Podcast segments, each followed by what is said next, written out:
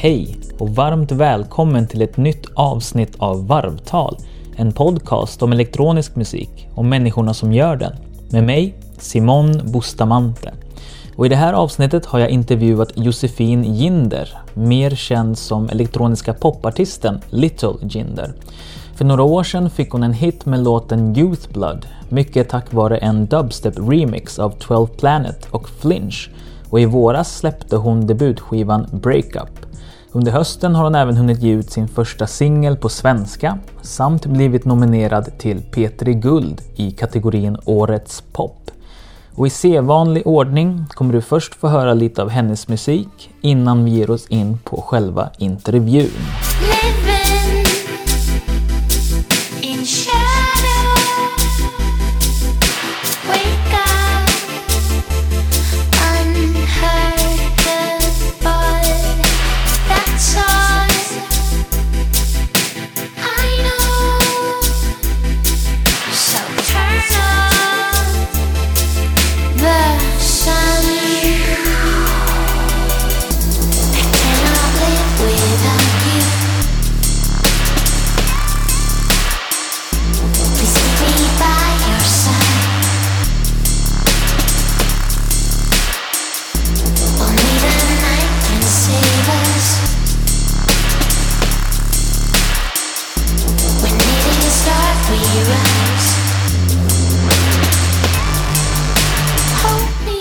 Jag antar min första kontakt med musik var med min storebror när jag var alltså, jätteliten. Då hade vi en grammofonspelare som han skötte. När han var väl typ kanske två och jag var ett och ett halvt. Och då spelade vi, eh, eller han skötte ju hela den där grejen då. Och spelade Mamma Mu-skivor med sånger på. Så det var min absolut första kontakt med musik tror jag. Eh, och sen så är min mamma musiker så vi var ute mycket med henne när hon spelade på turnéer i Sverige och så. Så då lyssnade jag ju, eller ja, vi är ju liksom uppväxt med hennes musik väldigt, väldigt mycket. Vad är det för musik som hon, hon spelade? Hon spelar folkmusik. Så, eller ja, nyckelharpa liksom. Så det var mycket med att åka med henne och så. Och då hade, kunde jag typ ljudligt inför hela publiken när jag var fyra år så här, nej, inte den igen. Skitäckligt på något sätt för man har hört allting så många gånger. Bara sitter en fyraåring och är dryg i något hörn. Så det är väl typ genom det kanske. Jag läste att ett av dina så stora musikaliska wow-ögonblick var när din styvpappa pratade om San Francisco och ja. spelade upp en skiva för dig. Det var ganska, eller ja, det var en av de tidigaste sådär minnena jag har av att någon liksom tipsade mig om någon musik som jag skulle gilla. Och det var kopplat till San Francisco för att jag hade fått för mig att jag ville åka dit. Och då så spelade han Harvest Moon-skivan av Neil Young för mig. One of these days I'm gonna sit down and write a long letter To all the good friends I've known And I'm gonna try to thank them all for the good times. Så den började jag liksom drömma om att åka dit och, och musa och hela den grejen typ till den skivan. Så den skivan, jag lyssnar inte så mycket på country eller sådär. Men just den plattan blev väldigt viktig för liksom den drömmen typ. Jag tror att jag har, alltså, ända sedan jag var ganska liten, har så här, haft ganska mycket fantasi och framförallt just det här med att så här, dagdrömma och drömma mig bort från det som jag, man, jag är i eller lever i. Och så här, ända från att jag var liten så ville jag bli vuxen, alltså hela den grejen. Så det skulle, såg väl ut, liksom jag för, det var ganska klassiskt att man bygger upp en bild av att någonting är så mycket bättre någon annanstans. Så jag liksom skapade egna bilder i huvudet om att det var, alltså folk var snällare där, det var finare väder, det var liksom någon känsla av att man skulle bli förstådd där på ett annat sätt eller så här, ja. Så jag liksom hade, en väldigt romantiserad bild av San Francisco sen jag var kanske 11-12 år. Liksom, blev typ besatt av att åka dit. Trodde att det skulle göra mitt liv så mycket roligare.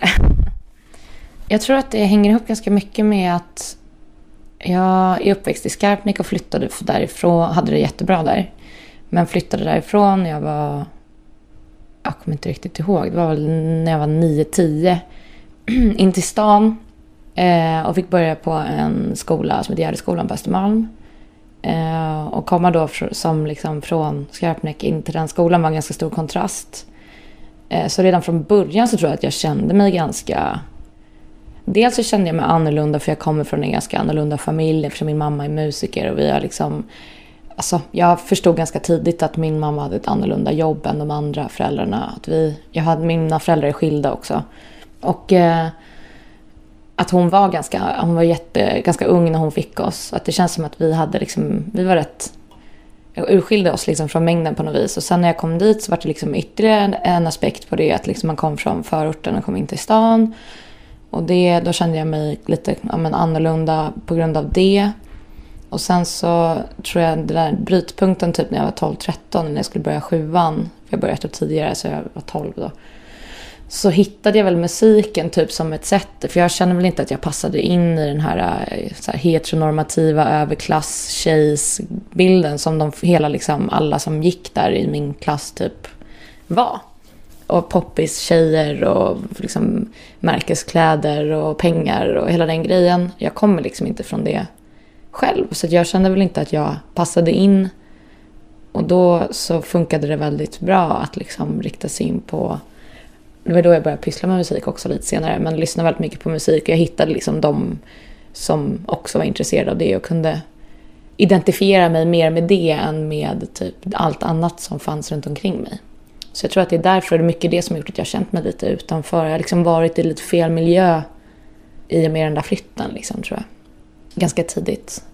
Och det höll sen, den bilden har väl ha, ha, liksom, håller ju i sig när man blir äldre också. Jag tror att den fäster sig ganska hårt. Liksom att man, jag är inte en tjej, tjej som dem eller jag är inte... Jag, liksom, jag hade svårt att identifiera, identifiera mig med folk runt omkring mig och det, den känslan har jag nog kvar än idag. Liksom. Jag har svårt att identifiera mig med andra människor. Liksom. Alltså nu så har man ju en medvetenhet så jag kan ju känna, eller förstå att jag är larvig när det första jag gör är att försöka, om jag lär känna en ny person så brukar jag direkt så distansera mig från den personen och känna så här, jag är inte så, jag är inte så, det här har inte vi gemensamt. Eh, den, den, personen skiljer sig från mig på det här och det här sättet. Alltså att jag är väldigt, jag är ganska dömande. Och det har jag ju dels jobbat bort ganska mycket och sen har jag också försöker jag ju, jag försöker dämpa den sidan men jag kan liksom se det på ett annat sätt och se vad det är jag håller på med och därför så inte agera ut efter det. Men de känslorna sitter ju instinktivt kvar ganska mycket. Har det fungerat som en, eller fungerar fortfarande som någon sorts försvarsmekanism? Ja, det gör det nog. Absolut. Men samtidigt så här, jag blev ju inte mobbad eller liksom utfryst. Så jag är, inte så här, jag är inte så rädd för att bli sårad kanske. Men jag tror att jag, det skapade tidigt ett behov att så här, skilja mig från mängden. Att jag ville inte vara som de andra var. Och det är ju rätt fördömande liksom. Men när man är liten så förstår man inte riktigt det. Så det behöver inte vara något fel på dem för att de är intresserade av det där egentligen. Det kan ju vara jättehärliga människor. Och det har jag ju förstått senare liksom. Men, eh, så jag tror försvarsmekanism är det väl, men framförallt så är det ett sätt att känna att man själv också är okej. Okay. Alltså, det blir ganska dubbelt att så här, om jag identifierar att de är det som mig så har jag min identitet och vet jag vem jag är. Jag är inte som dem. Och då vet, så här, har jag koll på mig själv och är trygg. Så här. Jag blev nog ganska stark och självsäker i det och vågade liksom göra det jag drömde om eller göra... Men när jag började med musik jag har liksom aldrig känt att någonting har varit jobbigt. Jag har haft ganska starkt självförtroende genom det tror jag också. Så det har nog hjälpt mig mycket. Och samtidigt som det kanske inte har varit så bra socialt så många gånger. Hur kunde det här sättet att distansera dig på då ta sig uttryck? Allt ifrån så klassiska saker till hur jag klädde, vad jag hade för kläder, till vad jag lyssnade på, till... Eh, man liksom gjorde väl det mesta för att markera att så här, jag är annorlunda.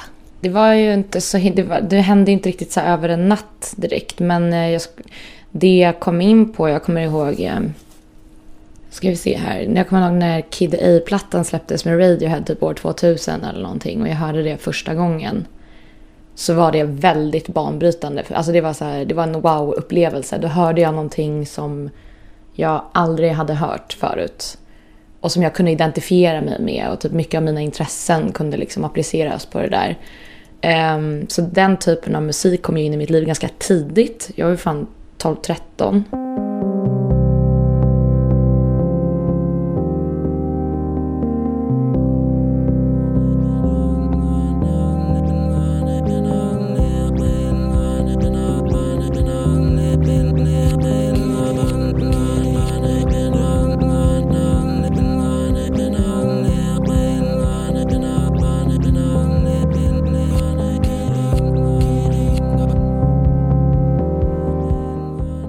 Hade jag tidigare lyssnat mycket på indie, alltså jag hakade på hela Broder Daniel, Caesars Palace, den liksom svängen, Färgade svart, alltså. Så jag var ju indie-tjej, verkligen från början, liksom på Bella Sebastian och med hela den grejen. Och från det så var nog steget ganska naturligt eh, när jag började lyssna på mer elektronisk musik och när jag började göra musik själv och intressera mig för att klippa och klistra i Acid som programmet hette då när jag började göra det. Så vart det ju typ Radiohead lite hus gudar liksom.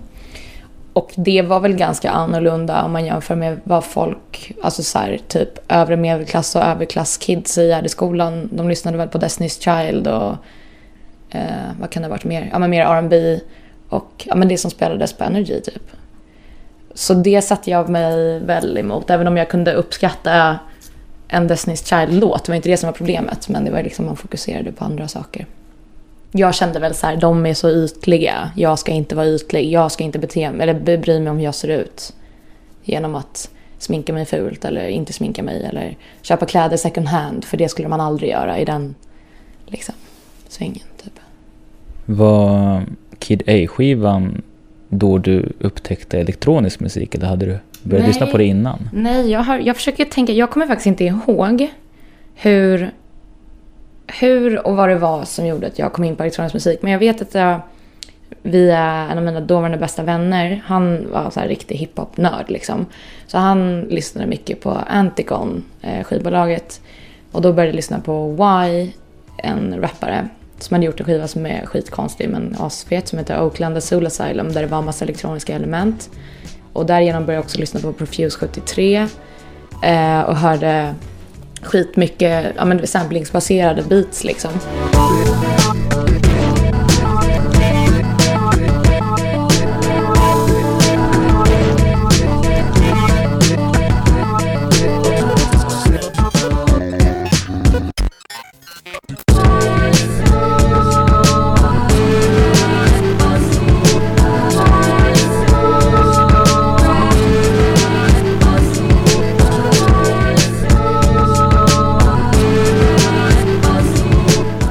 Där var nog en av de första när jag började så här, äh, intressera mig för elektronisk musik. I samma veva så lyssnade jag väl, hörde jag väl FX Twin första gången, typ Window Licker och bara det är det bästa jag hört i mitt liv. Tycker fortfarande det är världens bästa låt.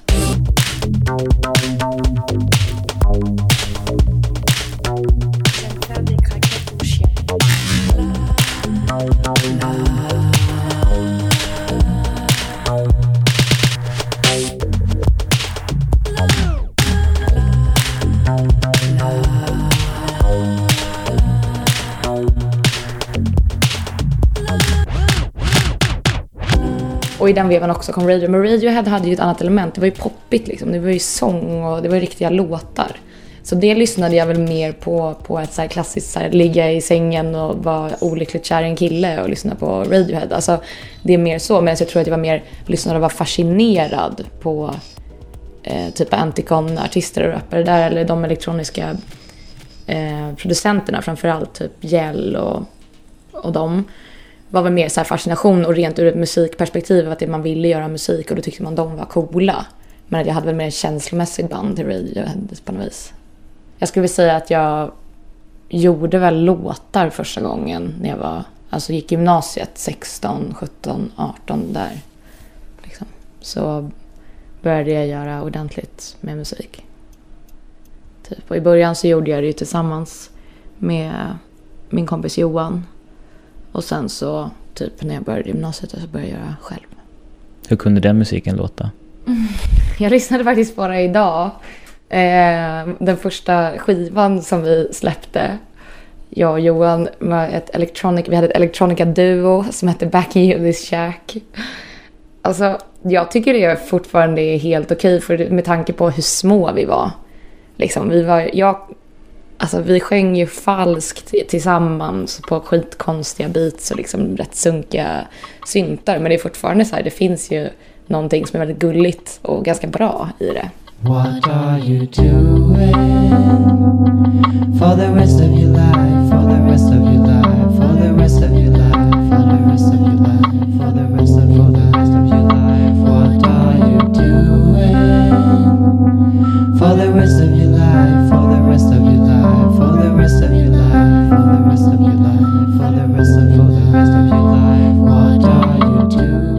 Men det lät ju som ett, vad ska man säga, vi ville väl låta som ett elektroniskt, vad heter de här som var med i den här Juno soundtrack-filmen? Som typ ehm, Adam Green och någon till. Som gör typ så här, indie, de spelar gitarr och sjunger tillsammans, jättegulligt liksom. You're a part-time lover and a full-time friend The monkey on your back is the latest trend I don't see what anyone can see in anyone else but I'll kiss you on the brain in the shadow of the train. Kiss you all starry eyed, my body swinging from side to side. I don't see what anyone can see in anyone else.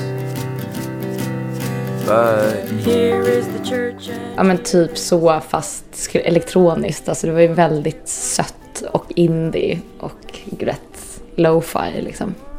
Då när vi gjorde de grejerna så var det Johan som hade gjort något beat oftast. Eller om jag hade gjort någon liten syntslingig grej liksom. Och sen så satt vi kring det. Vi var i hans källare kommer jag ihåg, där han bodde på Lidingö. Också... Alltså sångtagningarna på de där grejerna är så konstiga.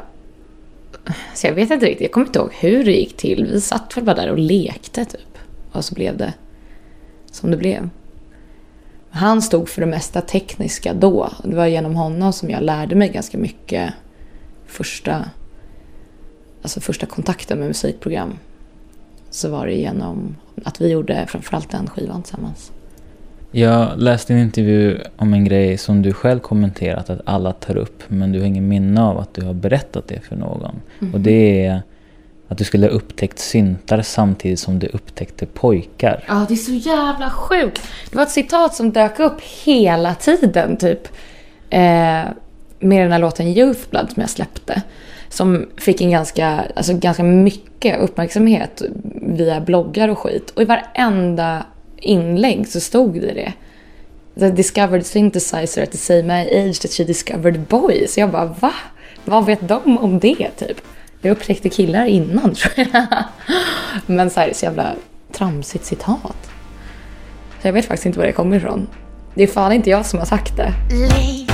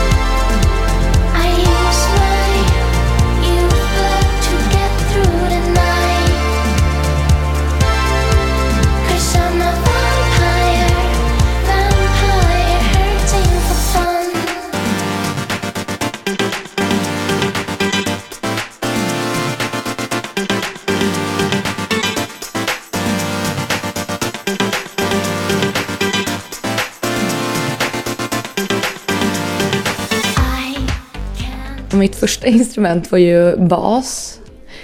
Eh, det var konstigt, jag vet inte vad Det var också så här, då när jag gick i sexan, det var någon julafton, så var det så här, ja, vi skulle få en stor julklapp och sen, ja, sådär. Och då önskade alla sig typ en mobiltelefon och jag önskade mig en bas. Vilket jag skulle komma och ångra sen, tror jag. Och så satt jag och spelade med med den där basen ett tag och det är väl inte sådär överdrivet komplicerat att spela bas om man inte har, ja, men liksom ska bli mega bra. Liksom. Så jag vet inte, jag lärde väl mig det hyfsat liksom. Eh, och vi hade väl några så konstiga band i skolan som jag spelade med ett tag där i högstadiet. Så jag kommer inte ihåg så mycket av det. Vi hade liksom en replokal där som vi satt och hängde i en del. Så det spelade jag. Men sen när jag började producera så var det framförallt klaviatur som jag började spela. Eller, så då lärde jag mig att spela piano. Men det var när jag flyttade till England och hade tillgång till ett piano. Då lärde jag mig det. Men då hade jag liksom spelat klaviatur innan och förstått typ hur vissa ackord sitter ihop. Liksom. Jag läste att du hoppade av gymnasiet för att flytta till England. Mm. För att plugga på musik. Jag avslutade inte gymnasiet ska man säga egentligen. Jag eh, pluggade inte klart för att jag kom in på en eh, ljudteknik och eh, populärmusiklinje, heter det. På universitetet där. Och eh, så då liksom tappade jag väl, alltså jag har aldrig varit bra på att gå i skolan från början. Det har aldrig varit min grej riktigt. Så när jag fick reda på att jag kom in där så liksom tappade jag all motivation och avslutade aldrig det. Och väntade bara på att få åka dit. I princip. För jag var för liten för att få CSN när jag kom in på skolan. Så jag var tvungen att vänta ett år och då höll de min plats. Eh, så jag var liksom tvungen att gå ut gymnasiet egentligen. För att bli 18 eller vad det var. Eller jag skulle fylla 18 när jag flyttade dit eller något. Så eh, då liksom bara väntade jag det där senaste året och då sket jag fullständigt i skolan. Liksom.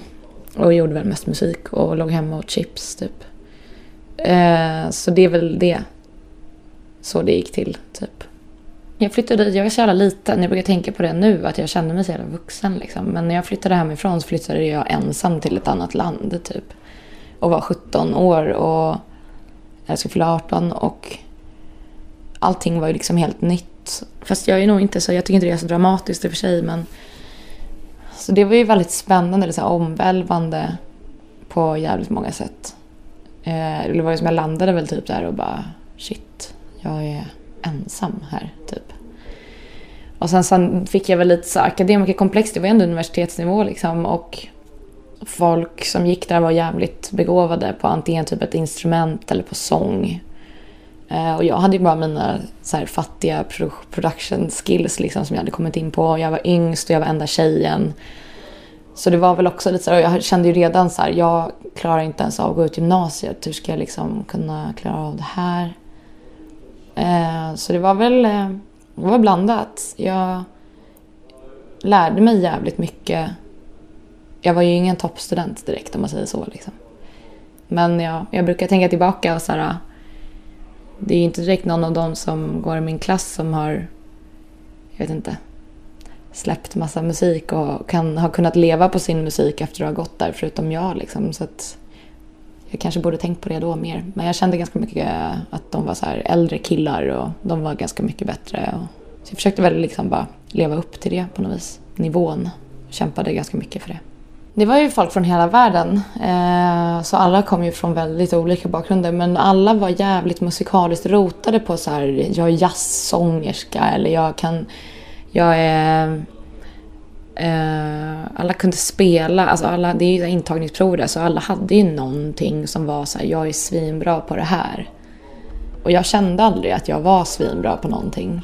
För jag vågade ju knappt sjunga på mina inspelningar då. Alltså det hör man ju på min första EP att jag viskar ju typ och låter jättelarvig.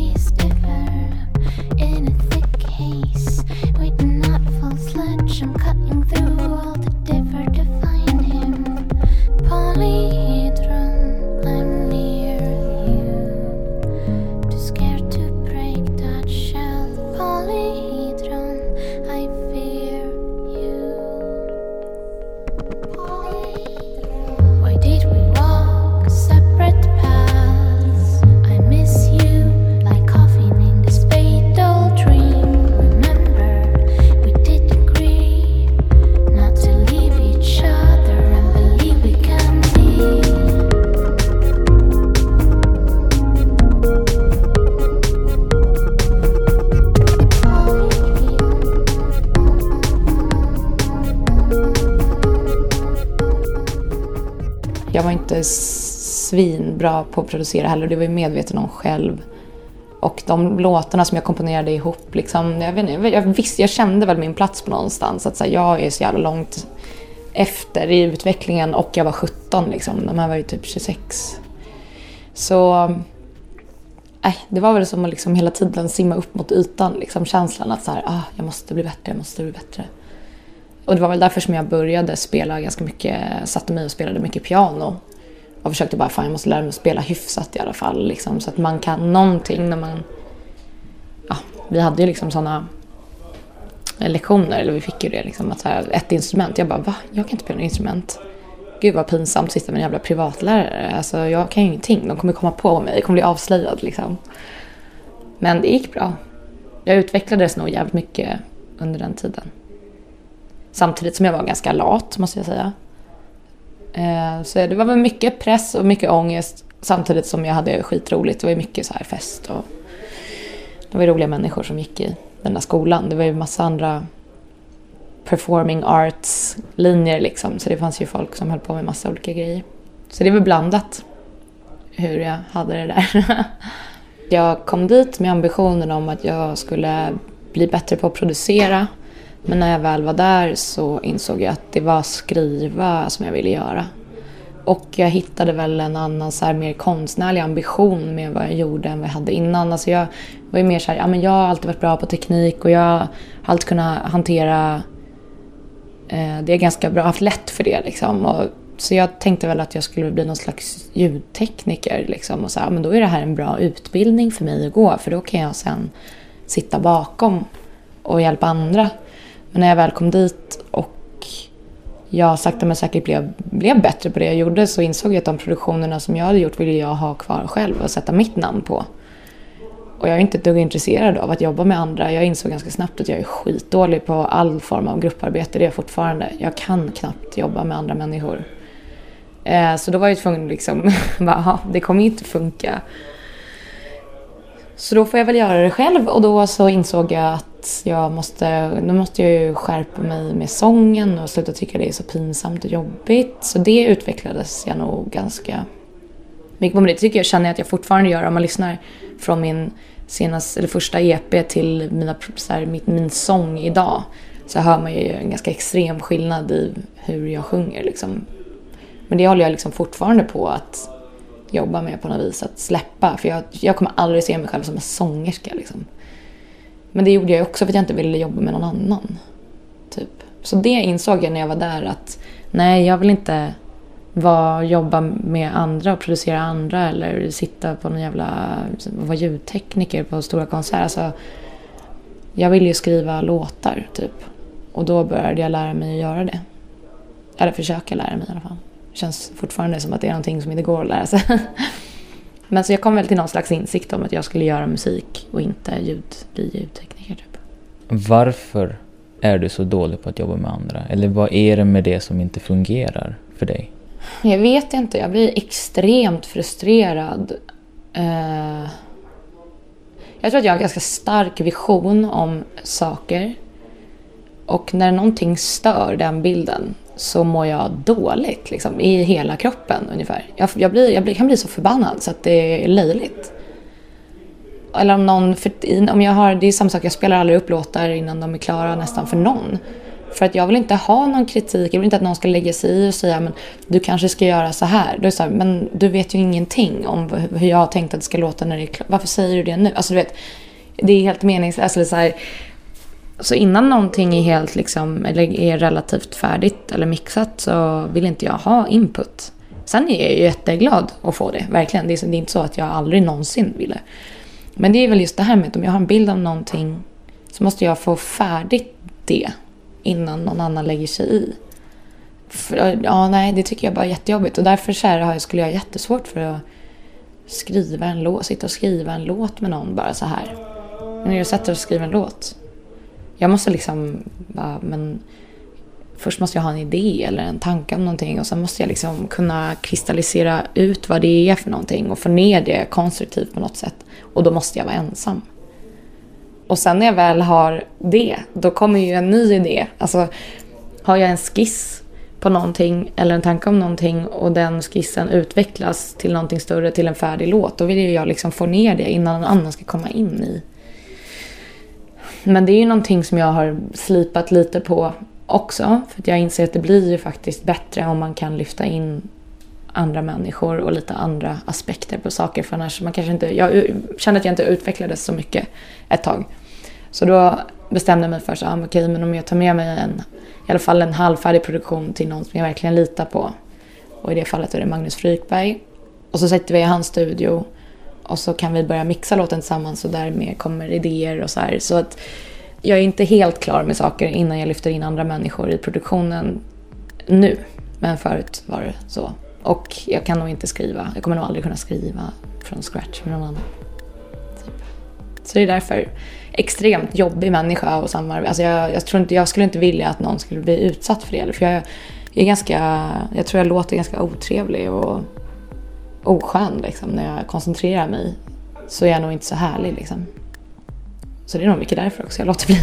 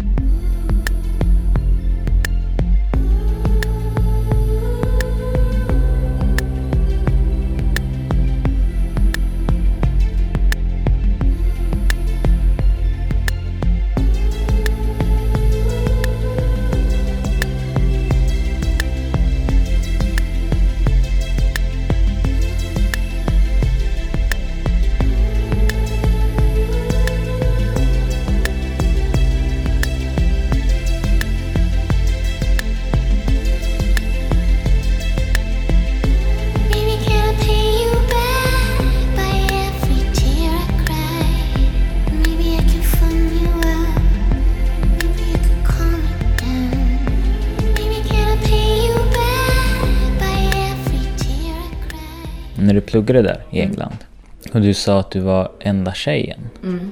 Av hur många elever? Vad kan det ha varit? 20 någonting? Så ibland kan man kanske känna att man liksom som tjej i en grabbig miljö blir eh, sedd på ett annat sätt. Eller kanske måste ta sig förbi en massa hinder som man kanske inte hade behövt göra. Mm. Upplevde du något sånt? Ja, men det upplever man ju hela tiden, känner jag. Men då var det nog rätt extremt eftersom jag var så ung också. De var ju äldre så de såg väl... De... Men jag tror att det var ju ganska sköna människor ändå. Men det är väl självklart att så här, På ett sätt så hade jag ju en fördel då i att liksom, jag var liten och då är man, blir man lite så här geniförklarad. Hur kom du in här? Du är tjej och är 16. Fan vad du måste vara grym. Samtidigt som det också kan vara så här, det är för att du är tjej och du är 16 som du är här. Du har inga riktiga färdigheter. Liksom. Eh, så det kunde man ju känna. Men jag, jag, brukar, jag vet inte, man kan, man kan se det där från olika håll. Liksom. Det, jag kände väl mest att det var jobbigt att så här, Alltså det hade ju varit roligare att ha lite fler jämlikar som också var tjejer som gick där. Man kan ju känna sig ganska ensam. Och så har det varit ganska mycket med mina intressen har varit rätt så här mansdominerade hobbys, som man ska säga. Eh, och det är alltid tråkigt att inte att alltid vara omringad av massa snubbar som känner sig självklara på sin position. Liksom. Jag har väl aldrig haft, varit särskilt blyg, vilket är tur. Och säger ju oftast till om jag känner att någonting är fel. Hade jag inte haft de personlighetsdragen hade det nog här varit väldigt mycket jobbigare för mig tror jag.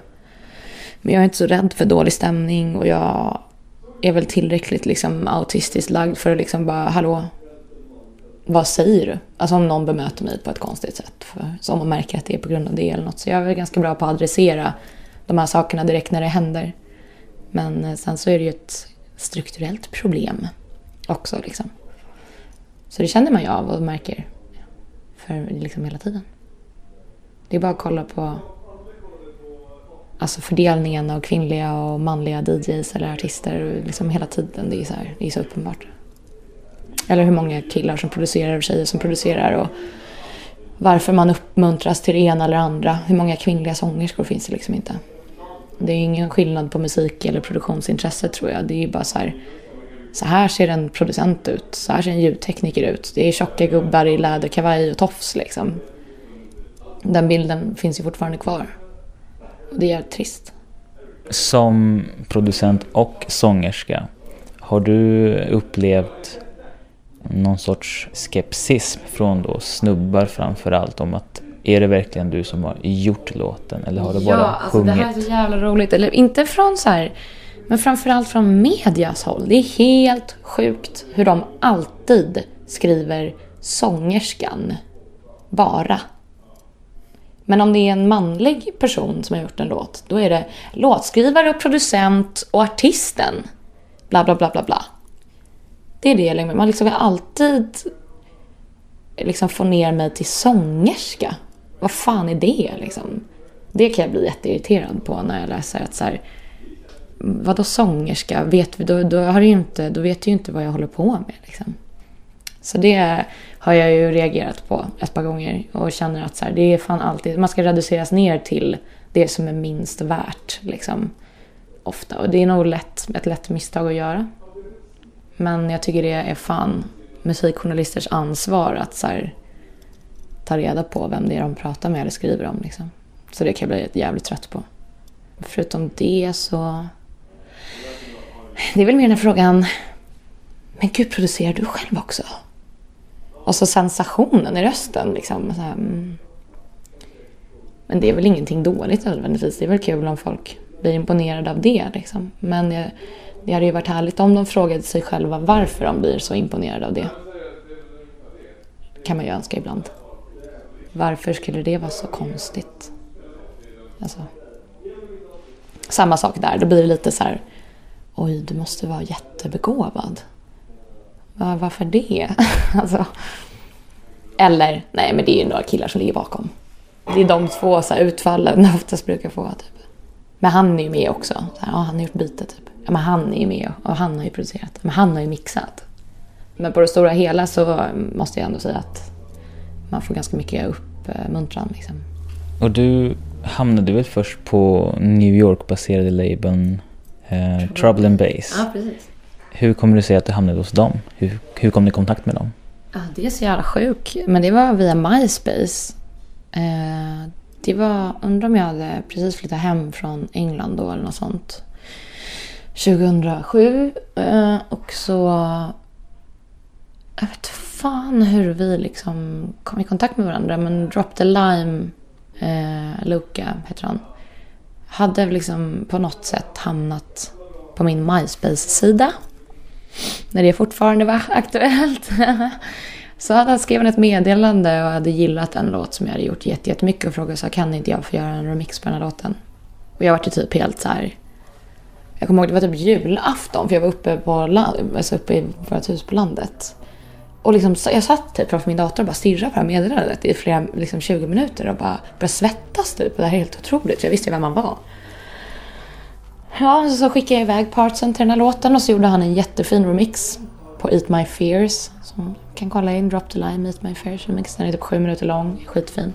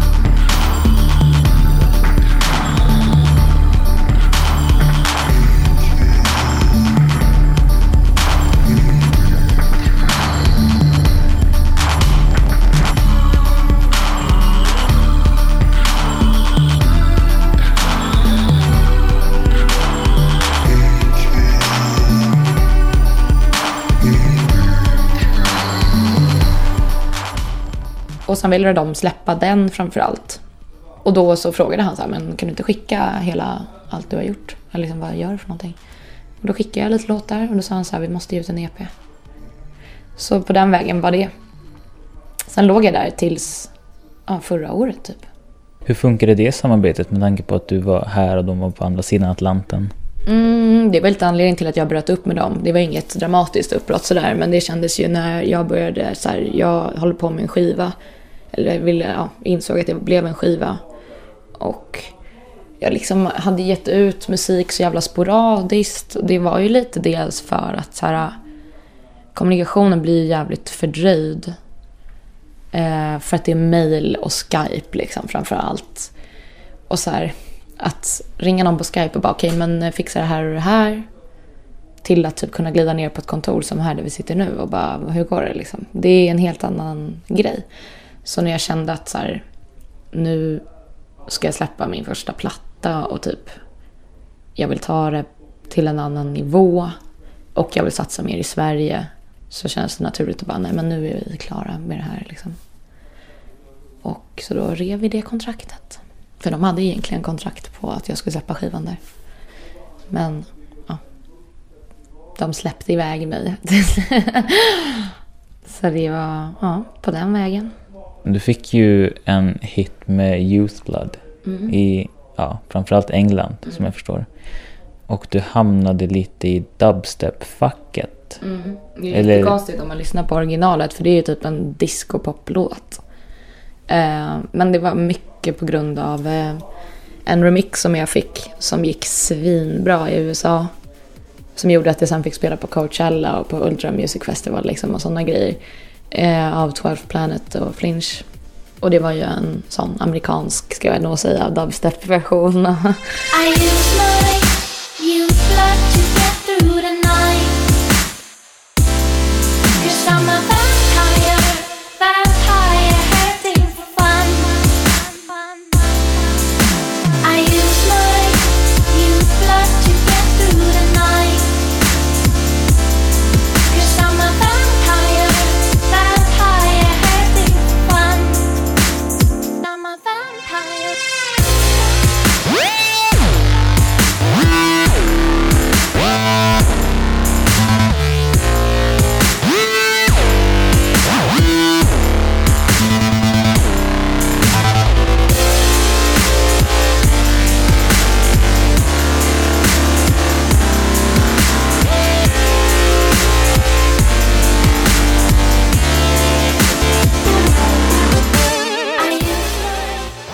den gick ju svinbra och blev licensierad till Ministry of Sound. Det var ju liksom bara så här... Och då gick originalet bra i England samtidigt i och med den grejen typ. Så det är väl därför som folk i dubstep-världen sen fick reda på, eller fattade vem jag var.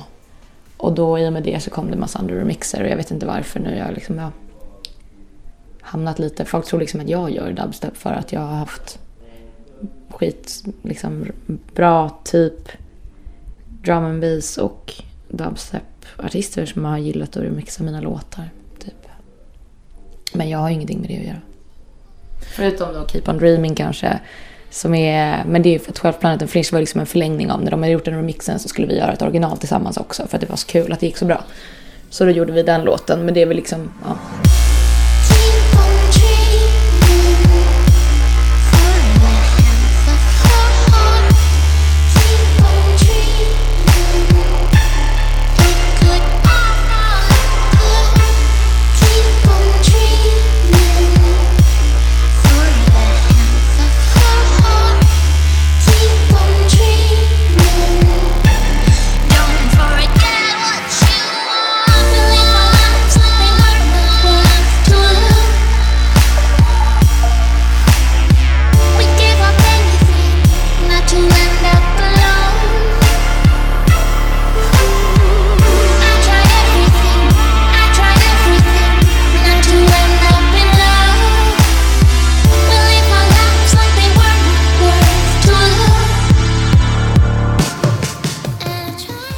Jag tycker det är lite tråkigt med folk som ska hålla på och stoppa ner folk i mallar. Det är väl mer begränsande för dem kanske. Men jag tycker att um, jag har alltid bara gjort det som jag har tyckt har varit kul och inspirerande och bra. Och att hamna i det facket, eller vad man ska säga, när jag skulle släppa Keep On Dreaming eller den grejen, så träffade jag en massa människor i Sverige eh, som lyssnade på den typen av musik som vissa av dem som jag fortfarande jobbar med idag och jag är absolut inte i den genren liksom. Så att jag det har nog inte stängt dörrar, snarare tvärtom skulle jag väl vilja säga. Det var ju min bokare som jag jobbar med som jag trivs skitbra med. Han startade ju All Out Dubstep i Stockholm. Och det var ju via att jag hängde med amerikaner som var i den scenen i LA som jag träff, liksom fick kontakt med honom. Och nu jobbar han på Luger och han sköter mina bokningar. Alltså, så att allting... Eh, nej, men jag tycker bara att det var, det var en rolig tid liksom, med den låten och effekten av den låten. Även om det har varit väldigt mycket dansmusik eh, relaterat och att min egna musik kanske inte riktigt passade in där så det blev lite svårt att bryta sig ur den förväntningen snarare. Att när jag gjorde en ny låt så kanske det förväntades sig att jag skulle göra något annat än vad jag gjorde. Liksom. Men det tycker jag ändå gick ganska bra sen. Alltså det är inte som att någon har klagat efter så här, när man väl släpper någonting som inte låter som vad folk kanske hade förväntat sig. Så det ser jag inte som ett problem. Det var bara en kul period i livet. Och när vi ändå pratar om det tråkiga att bli satt i olika fack mm. och så. Hur skulle du beskriva din egen musik? Alltså den enda, jag har funderat ganska mycket på det där att det är så här, ah, det är så svårt att säga men det är väl någon form av elektro... det är så tråkigt bara, men ah, det är väl någon form av elektronisk pop. alltså, det är det, det är ju poparrangemang och det som är röda tråden är väl egentligen min röst för det är det som går igenom alla produktioner. Så typ så skulle jag beskriva det, sen skulle jag väl bara uppmana till att lyssna på det istället, skapa sin egen uppfattning. Folk verkar vara väldigt intresserade av subgenrer och sånt. Jag har inte så stor koll. det enda jag behöver veta det är bara så här, den typen av musik som man lyssnar på. är oftast någon form av elektronisk musik. Ibland i danstappning, ibland inte. alltså, och typ Depeche. Man bara, där har vi, det räcker. Hur kan det se ut när du sätter dig ner för att skriva och producera en låt? Hur ser arbetsprocessen ut? Jag är ju ganska bra på att göra så här, sitta i fem minuter och göra någon liten grej och sen gå vidare. Så till slut så sitter man och har så här 45 musikprojekt med jävligt oklara grejer i. Så oftast så sätter jag mig ner och brukar jag lyssna igenom någonting och så rensar jag liksom. Så ibland så fastnar jag för någonting som jag har gjort. Och så bygger jag vidare på det. Eller så sätter jag mig och så liksom, jag spelar ofta bara. Jag sitter och spelar olika ackordsföljder. Ibland så poppar upp någon melodi och då följer jag det. Eller ibland sätter jag mig och försöker göra något beat, men det är jag så jävla värdelös på. Men bara för att liksom få igång någon rytmkänsla och sen se om det dyker upp någon melodi. Det är ofta så att jag letar efter en melodi, typ. Och sen bygger jag allting kring den melodin, typ. Det är lite som att lägga pussel för mig att skriva låtar. Det är väldigt sällan som jag sätter mig ner och så här, spelar så här vers ackorden. Sen kommer refrängackorden, de är så här. Och sen sitter jag och spelar hela låten. Det har jag gjort väldigt få gånger. Det har hänt. Det blev inte så bra. så det är mer, jag brukar mer rikta in mig på att försöka skapa en ljudbild liksom kring ett element. Sen vet jag inte om det är en vers eller en refräng eller vad det nu är. Och sen när jag är klar med det och känner att det finns en värld i det där så brukar jag liksom lägga på det som behövs. Början, slut, vers. Om det är en vers eller en refräng eller ja. Så att, liksom att jag får en utgångspunkt, sen bygger jag mig utifrån den på något vis. Så det är så jag brukar göra. Och sången kommer in ganska tidigt. Och texten. För att få liksom en bild av vad det är jag gör.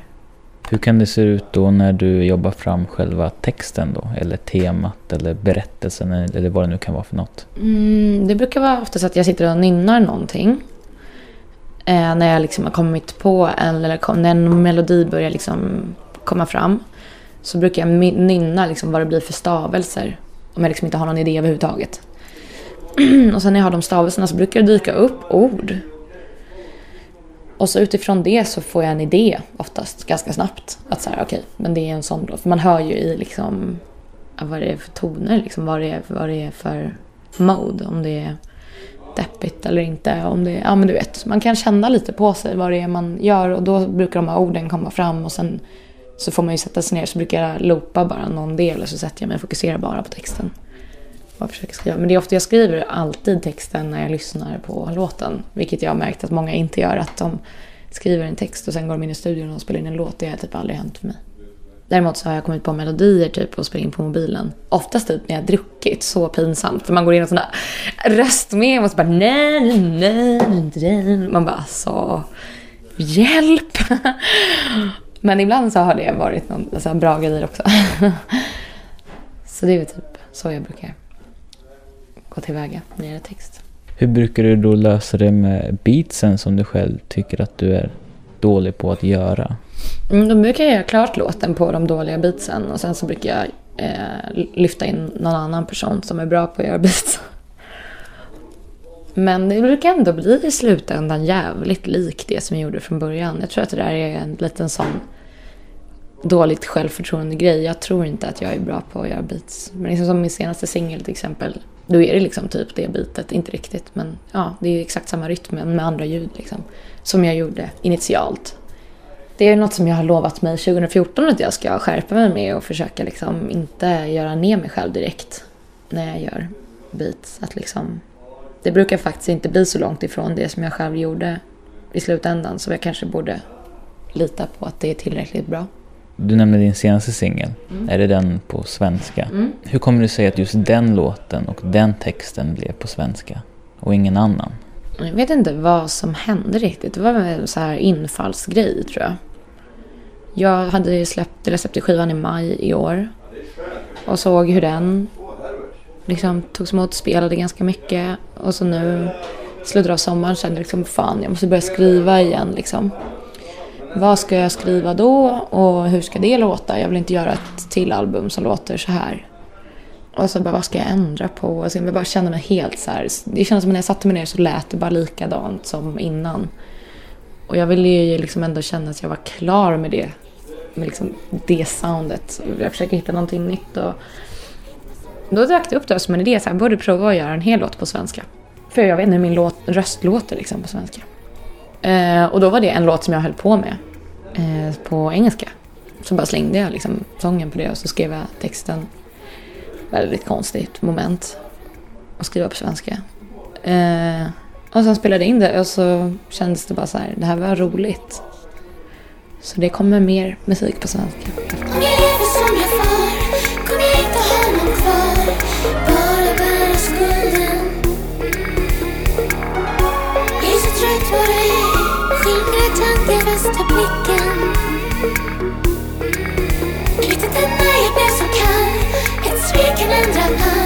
Jag hade stampat lusten.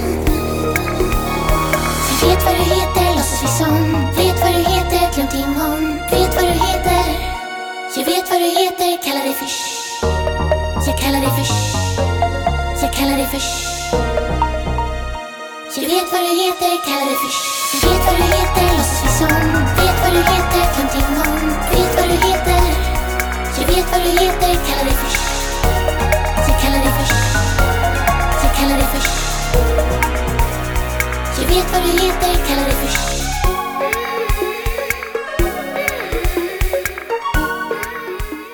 Hur kändes det i början då, när du började skriva på svenska? Alltså man känner sig jävligt pretentiös. Att man... Jag bestämde mig ganska tidigt om att så här, första låten på svenska kan jag inte skriva. Fast den blev ändå rätt sorglig. Men jag kände att så här, jag kan inte, jag kan inte vara, ta, ta det här på så stort allvar. Liksom. Det måste finnas någonting som, så jag kan distansera mig från det och känna att det var kul. Liksom. Så att jag försökte skriva ganska lättsamt. Nu är inte texten så lättsam, men det var lätt att skriva den. Liksom. Så det var väl så jag förhöll mig till det. Man känner ju sig som, alltså, man känner sig som största tönten i världshistorien när man skriver. Ja men du vet, det är lite som att skriva, om man ska bara, kan inte du skriva en dikt? Man bara va? Alltså lite den vibben, så här. det blir så pretentiöst. Alltså, det, det är jobbigt men men har man den inställningen att så här, det spelar inte så jävla stor roll, då vart det mer kul. Och väldigt mycket enklare. Jag tror inte man ska ta sig själv på så jävla stort allvar alltså. För det kommer bara sätta... Jag tror det bromsar en jävligt mycket. Då får man inte saker gjort. så jag tänkte väl mer så. Det är bara att köra på. Får vi se vad det blir. Är det värdelöst så är det väl det. Då är jag väl värdelös. Skitsamma. Jag får i alla fall ut skiten ur mig liksom. Och provat någonting nytt. Så det var med det. Och sen så när det var klart så tyckte jag det var så kul. Så att då gjorde jag en till låt på svenska. Som jag tycker funkar ännu bättre. Så då, ja, nu sitter jag liksom med tankarna på om man ska göra en skiva på svenska i alla fall. För att det är roligt att skriva texter på svenska när de inte är så pretentiösa. Har du varit sån förut kanske, att du tagit dig själv på jättestort allvar? Nej, det tror jag inte. Jag har ganska svårt för det tror jag. Det är nog en försvarsmekanism om något alltså. Att liksom skämta bort allt hela tiden. Vilket jag känner att jag gör ganska ofta. Liksom. Jag orkar inte ta mig själv på stort allvar. För då måste ju andra göra det också. Det vill jag inte kräva av någon liksom. Det har jag väl kanske lite för konstig eller snedvriden självbild för att göra tror jag. Så att eh, nej, jag använder nog... Alltså min skiva är ju jävligt allvarlig och seriös. Det är inte det att jag inte kan vara allvarlig för det. Men eh, jag tar inte mig själv på så stort allvar. Jag håller mig nog ganska distanserad till vad jag gör och hur det låter. Typ. Jag tänkte på det när jag lyssnade på den här singeln. Um, gör du en nickning åt Tess? Ja, det gör jag. jag vet vad hon heter, men jag kallar henne Tess. Tess. Jag kallar henne Tess.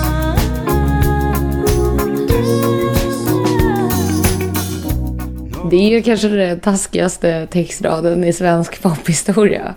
Jag vet vad det heter, men jag kallar det för någonting annat. Man bara, va? Alltså, om man nu väljer att tolka det så. Men ja, det är absolut en nickning till den låten. Det var faktiskt, jag satt på balkongen och pratade med min kära vän Frej Larsson som jag hör här bredvid, i rummet bredvid. Eh, jag satt och krisade lite på Facebook-chatten och skrev så här. Uh, jag skriver en text på svenska. Eh, det är så jävla jobbigt. Typ bla bla bla. Och vad, vad handlar det om då? Så bara, nej men det handlar ju typ om att vara slampig i en så här singelperiod när man gör det här och det här. Så började vi skämta fram och tillbaka. Och då kom den linen fram liksom. Jag vet vad det heter men jag kallar dig för. Ja. Så det var liksom i den konversationen när jag på något sätt så fick ladda ur typ att jag satt och bara alltså det här blir så dåligt liksom. Och så bara skrev jag till honom och så pratade vi om det. Och så garvade vi åt konceptet. Och då kom den linen fram. Och sen när jag gick in i studion igen eh, efter min lilla paus där så, så spelade jag in den som liksom hooken i refrängen. Så det var så den kom till. på tal om att inte ta sig själv på så stort allvar. Och du heter ju Jinder i efternamn. Mm. När kom du på ditt artistnamn? Alltså det var ju när jag var i England där. Så refererade de alltid till mig som Little Jinder eftersom, ja, som jag pratade om tidigare. Jag var ju liten och tjej, yngst. Så då var de första liksom, grejerna som jag gjorde så döpte jag alltid det, liksom, projekterna till det. Så när mitt första släpp kom så kändes det ganska bara naturligt att det var det som jag gjorde musik under. Liksom. Sen hade det bara hängt kvar. Det kan jag ju verkligen tycka är ett töntigt namn ibland alltså också. Men så känner man så här, okej, okay, ska jag byta artistnamn? Gud vad jobbigt. Så att det får nog bli så liksom. Men ett tag försökte du bara köra med Jinder. Mm. Hur, hur kommer det sig att du gick tillbaka till Little Jinder? Jag fick skäll. Jag fick skäll av mitt skivbolag. De var så här, det här är så jävla osmart och så onödigt och sluta hålla på och tramsa. Så att då gjorde jag det. Löd dem. Men ja, det är väl ganska tramsigt. Vem fan bryr sig om vad man heter? Det spelar inte stor roll liksom. Egentligen. Så att, ja, nej, det kommer nog fort hänga kvar ett tag till. Tror jag.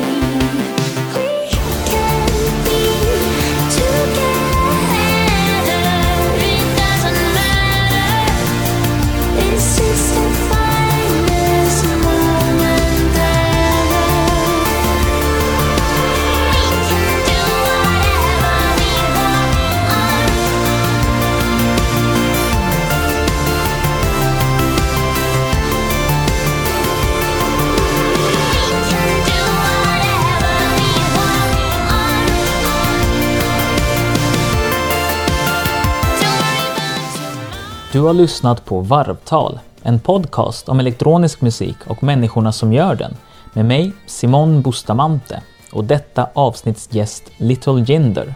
Du får hemskt gärna höra av dig med både ris och ros om det här eller tidigare avsnitt. Antingen via mail simon.varvtal.se på Facebook-sidan, det är bara att söka på varvtal, eller via Twitter och Instagram där jag kallar mig Meskalinisten. Ha det fint!